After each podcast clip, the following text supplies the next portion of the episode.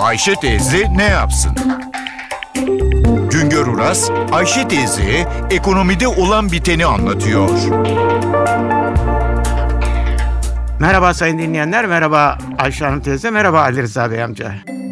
Duble yol yapımı, konut yapımı, köprü, kanal, tünel inşaatları arttıkça iş makinelerine talep de artıyor. İş makinelerinin geniş kullanım alanı var ama bizde iş makinesi denilince gündeme inşaat makineleri geliyor. Çünkü bizde iş makinelerine talep inşaat sektöründen yoğun biçimde geliyor. Türkiye, Çin ve Hindistan'ın ardından dünyanın en hızlı büyüyen iş makineleri pazarı oldu. Yılda 7 milyar dolara yakın değerde iş makinesi satılıyor Türkiye'de. Bunların %60'ı ithal makine. Yılda 4 milyar dolara yakın değerde iş makinesi ithal ediyoruz. Türkiye büyüklük açısından dünyanın 11. Avrupa'nın ise 4. en büyük pazarı durumunda. İş makineleri yatırım malı sayılıyor. İthalata ödenen döviz yatırım malı ithalatı rakamının içinde yer alıyor.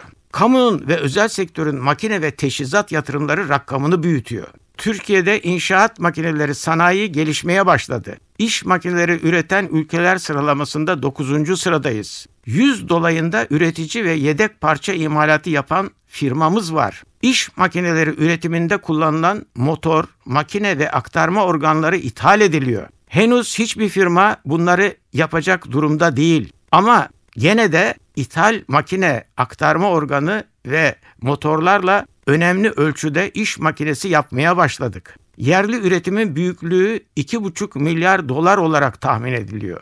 Yerli üreticiler yaptıkları bu makinelerin bir bölümünü 1 milyar dolara yakın bölümünü ihraç ediyor. 2013 yılında iş makineleri pazarında hafifiyle ağırıyla toplam 11 bin iş makinesi satıldı. 2010 yılında satılan makine sayısı sadece 6600 idi. Görülüyor ki iş makineleri talebi her yıl giderek büyüyor. Duble yollar, kentsel dönüşüm, TOKİ yatırımları, hükümetin gündeminde daha büyük inşaat projeleri var. Bunlar inşaat makineleri pazarının büyüyeceğinin göstergeleri. Talepteki artışın ithalatla karşılanacak yerde ülkede iş makineleri üretiminin arttırılması gerekiyor. Şimdilerde inşaat faaliyetlerinde ana işveren devlet olduğuna göre bu yönlendirmeyi de devletin yapması bekleniyor.